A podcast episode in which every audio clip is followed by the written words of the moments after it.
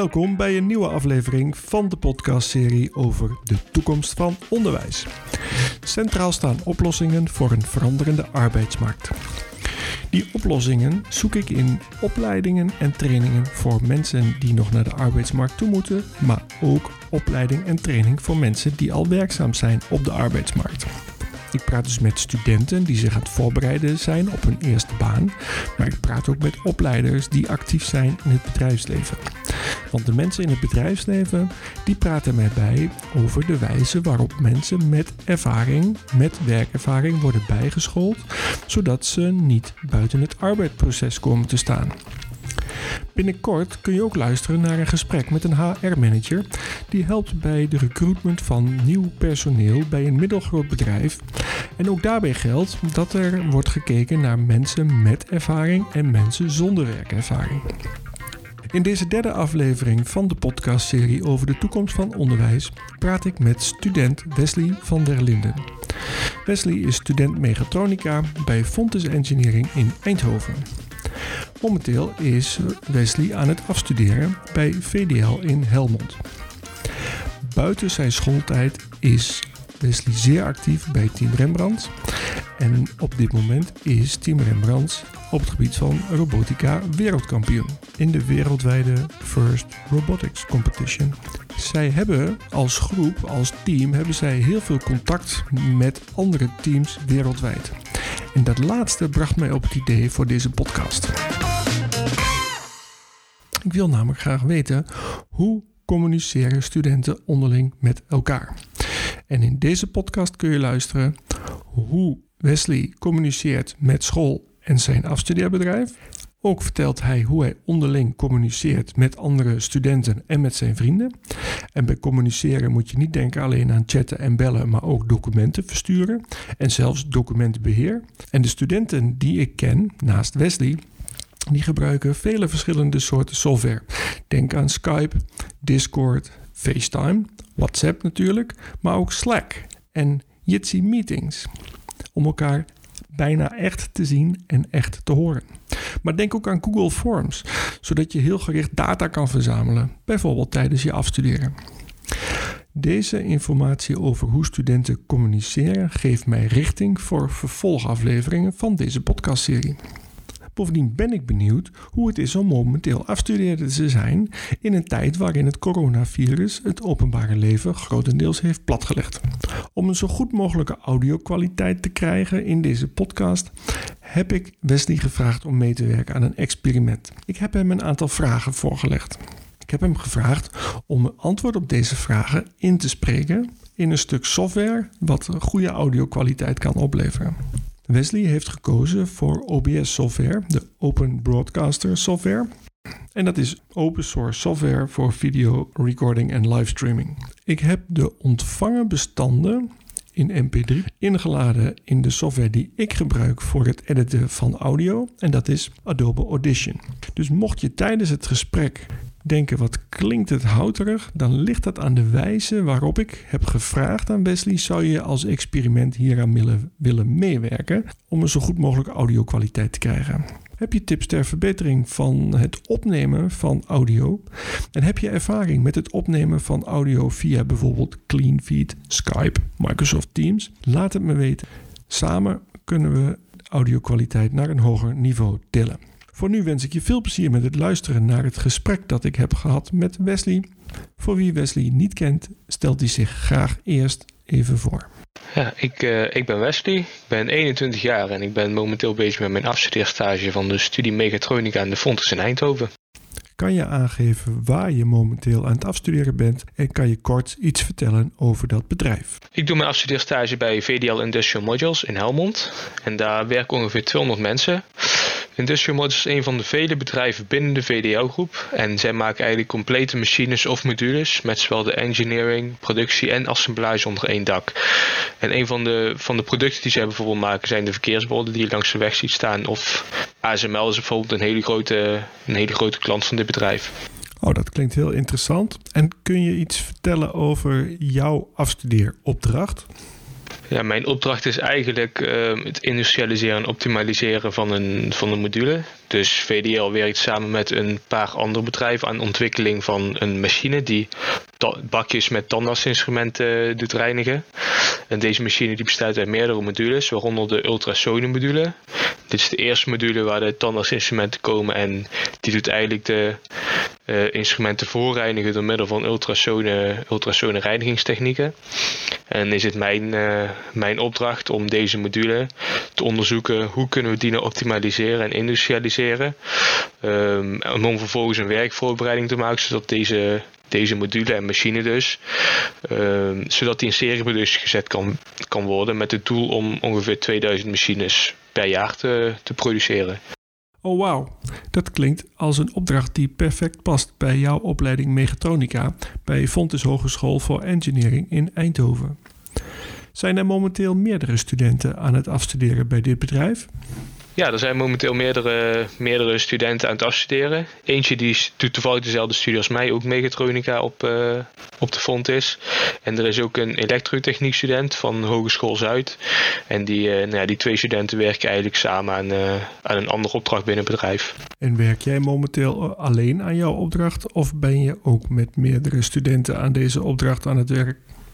Ja, ik werk wel alleen deze opdracht. Uh, ik werk wel nauw samen met bijvoorbeeld mijn bedrijfsbegeleider en verschillende engineers en monteurs die al langer met het project bezig zijn. En zij uh, helpen mij bijvoorbeeld met uh, het geven van informatie van wat er allemaal voorafgaand voordat ik hier, in, hier in februari begon met afstuderen wat er allemaal gedaan is aan het project. En bij hun kan ik ook altijd tot terecht om voor eventueel ander advies of eventueel feedback op, op wat ik gedaan heb tijdens mijn opdracht. Hoe heeft de huidige situatie met het coronavirus impact op jouw afstuderen en op jouw afstudeerproces?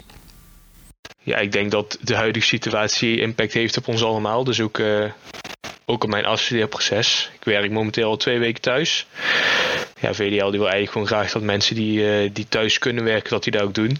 En ik hoef op zich niet per se bij bedrijf aanwezig te zijn. Ik heb goede communicatie met mijn bedrijfsbegeleider. Um, en ja, op zich kan ik met alles, uh, alles waar ik nodig heb, kan ik ook gewoon vanuit thuis werken. Dus dat, dat doe ik dan ook. Um, verder woon ik ook maar al 10 minuutjes fietsen van, van het bedrijf. Dus als ik echt fysiek iets nodig heb, dan kan ik altijd even snel op en neer fietsen. Dus dat is eigenlijk wel, uh, eigenlijk wel ideaal.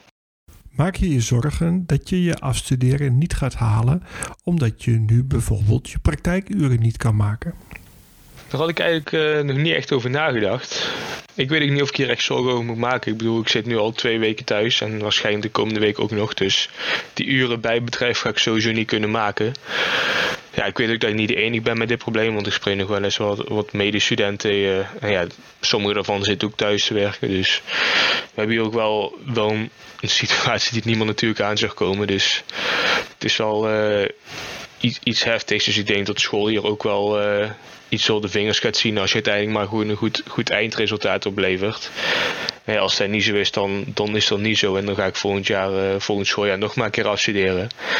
En, ja, dat zou ik wel jammer vinden, maar ik vind het het niet waard om mijn afstuderen alles op alles te zetten. En daarmee de gezondheid van mijn collega's en mijn familie uh, op een spel te zetten. Uh, dus ja, ik, ik zie er op zich niet echt problemen in, maar mocht ze er wel zijn, dan kan ik daar op zich ook wel mee leven. Heb jij nog een bijbaan om wat geld bij te verdienen? En hoe ga je daar dan mee om tijdens deze situatie? En weet je hoe je medestudenten daarmee omgaan? Ja, ik heb, ik heb wel een bijbaantje. Uh, maar die werktijden van het bedrijf waar ik werk zijn hetzelfde als de werktijden tijdens mijn afstuderen. Dus momenteel doe ik daar niet zo heel veel mee. Ik ken wel een paar medestudenten die tijdens het weekend of zo ook een, een baantje hebben en die gewoon door kunnen werken. Dus uh, ja, dat scheelt. En als engineer kun je ook vaak achter de computer uh, gewoon werken. Dus zou je vanaf thuis iets kunnen doen. Of nou ja, wel bij bedrijf waar je anderhalve meter, uh, zolang je maar die anderhalve meter afstand houdt. Maar ja, ik, nee, in het weekend bestaat er voor mij geen mogelijkheid om te werken. En dan geniet ik ook al van mijn weekend na een, week aan mijn stageopdracht ge gewerkt hebben. Dus op zich ben ik nou niet echt bezig met, met een bijbaantje. En dat vind ik op zichzelf ook niet, niet nodig. En kan je kort aangeven hoe jouw thuissituatie is? dat je bijvoorbeeld op een studentenhuis woont of dat je thuis woont. En kun je aangeven of daar nog iets is veranderd door de coronacrisis? ik woon nog gewoon lekker thuis bij mijn ouders en mijn zusje.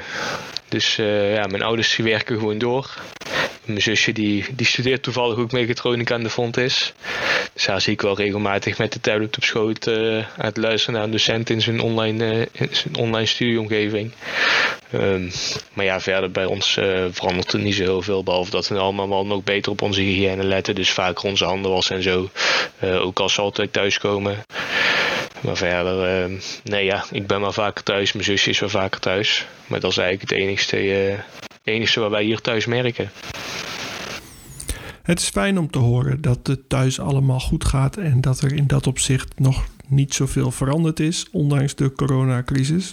Dan wil ik je afsluitend vragen naar de software die jij zoal gebruikt om te communiceren met de buitenwereld. Denk aan de software voor het delen van documenten. Denk daarbij aan het gebruik van bijvoorbeeld Google Hangout, Denk aan een omgeving als Discord, waar je kan communiceren en documenten kan delen met anderen. Denk aan Slack. Denk aan Google Drive of Microsoft OneDrive. Maar ook aan Trello voor projecten. Of WeTransfer voor data versturen. Of Dropbox om data op te slaan. Ik ben heel benieuwd. Ik gebruik eigenlijk best wel wat verschillende soorten software om contact te houden met de buitenwereld. Voor zakelijke dingen zoals school of afstuderen doe ik eigenlijk alles wel via de mail. Zo af en toe een beetje WhatsApp, maar vooral via de mail. Zodat ik altijd terug kan lezen wat er besproken is. En omdat ook documenten makkelijk uh, verzonden kunnen worden via de e-mail. En het meeste sociale privécontact wat ik eigenlijk heb gebeurt vooral via WhatsApp, Instagram, Snapchat, Facebook en dat soort social media platformen. En verder spendeer ik uh, mijn avond vaak aan het spelen van een game met vrienden. Uh, waarin wij gewoon communiceren via de in-game voice chat in, uh, in de game zelf. Dus er zit niet echt een aparte software achter. Maar ook spreek ik op de vrijdag vaak af met vrienden om ja, dan doen wij eigenlijk allemaal via Google Hangout. En dan zet onze webcam aan en heb je toch nog een beetje het gevoel dat je bij elkaar bent. Uh, is altijd wel gezellig. Afgelopen week hebben we een quiz gedaan via Kahoot. Dus uh, nou, zo kun je toch elkaar een beetje, een beetje vermaken. Ja, verder ben ik ook lid van, uh, van de robotica team, van Team Rembrandts. En dat ligt nou eigenlijk stil, maar daar gebruik ik ook Slack voor. Slack is eigenlijk een heel fijn programma voor dat soort, uh, voor dat soort doelgroepen. Omdat het, ja, het is heel makkelijk om je privé gesprekken en groepsgesprekken bij te houden. Dus uh, ja, eigenlijk best wel veel verschillende soorten software als ik er zo over nadenk. Maar het is wel, uh, ik heb ze op zich wel allemaal, allemaal nodig. Dus wel fijn dat ze er zijn. En daarmee zijn we aan het einde gekomen van het gesprek wat ik heb gehad met Wesley. Zoals je hebt gehoord, het gesprek klopt wel redelijk, maar je kon toch wel horen dat we het gesprek asynchroon hebben opgenomen. Ik wil Wesley vanaf deze plek nogmaals hartelijk danken voor het feit dat hij wou meewerken. Dat was voor hem natuurlijk ook nieuw even wennen. En huh, wat raar moet ik dus antwoorden inspreken en die aan jou opsturen. En dan knutsel jij daar in software weer een heel gesprek van. Hij had er vertrouwen in en ik hoop dat hij ook tevreden is met het resultaat. Ik hoop Wesley binnenkort uiteraard weer in het echt te zien. Maar voor nu, tijdens de coronacrisis, doen we ons best om toch zo goed mogelijk met elkaar te blijven communiceren. Heb je vragen, heb je opmerkingen, je weet me te vinden. Voor nu uh, wil ik je hartelijk danken voor jouw tijd en graag tot de eerstvolgende aflevering van de podcastserie over de toekomst van onderwijs.